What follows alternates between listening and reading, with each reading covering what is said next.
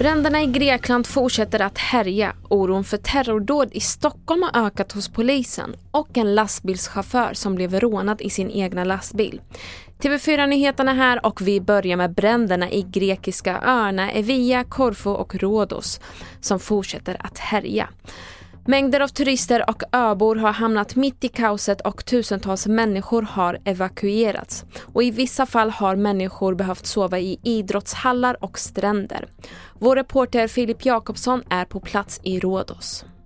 Greklands premiärminister sa ju att man är i krig med, med bränderna och eh, det som har genomförts här på Rhodos beskrivs som den största evakueringen någonsin, någonsin i Greklands historia på grund av skogsbränder. Över 19 000 människor har ju tvingats evakueras de senaste dagarna.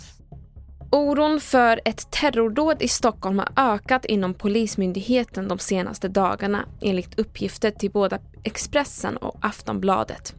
Polisen ska ha fått order om att bära automatvapen i Stockholm city och polisledningen gör bedömningen att hotet mot Sverige har ökat efter den senaste tidens koranbränningar.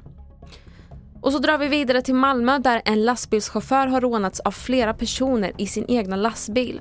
Enligt polisen ska gärningsmannen under hot tvinga till sig saker från lastbilen. Bland annat tobak. Chauffören ska även ha bundits i sin hytt under tiden rånet pågick.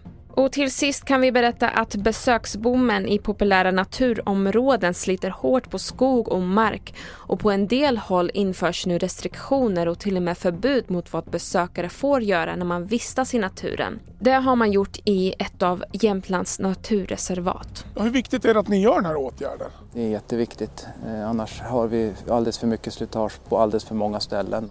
Begränsar ni inte allemansrätten på något sätt att få vistas i skog och mark? Eh, man får ju vistas i skog och mark ändå. Det är inte alls så utan det, det vi gör det är väl att, att, man kan väl säga att i vissa fall så in, inskränker man till viss del på allemansrätten.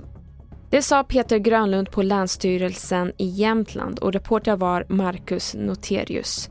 Fler nyheter finns på tv4.se och jag heter Marim Jamil.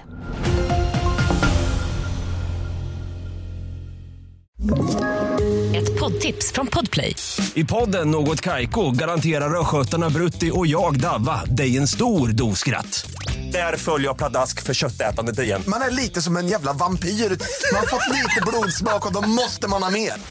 Udda spaningar, fängslande anekdoter och en och annan arg rant.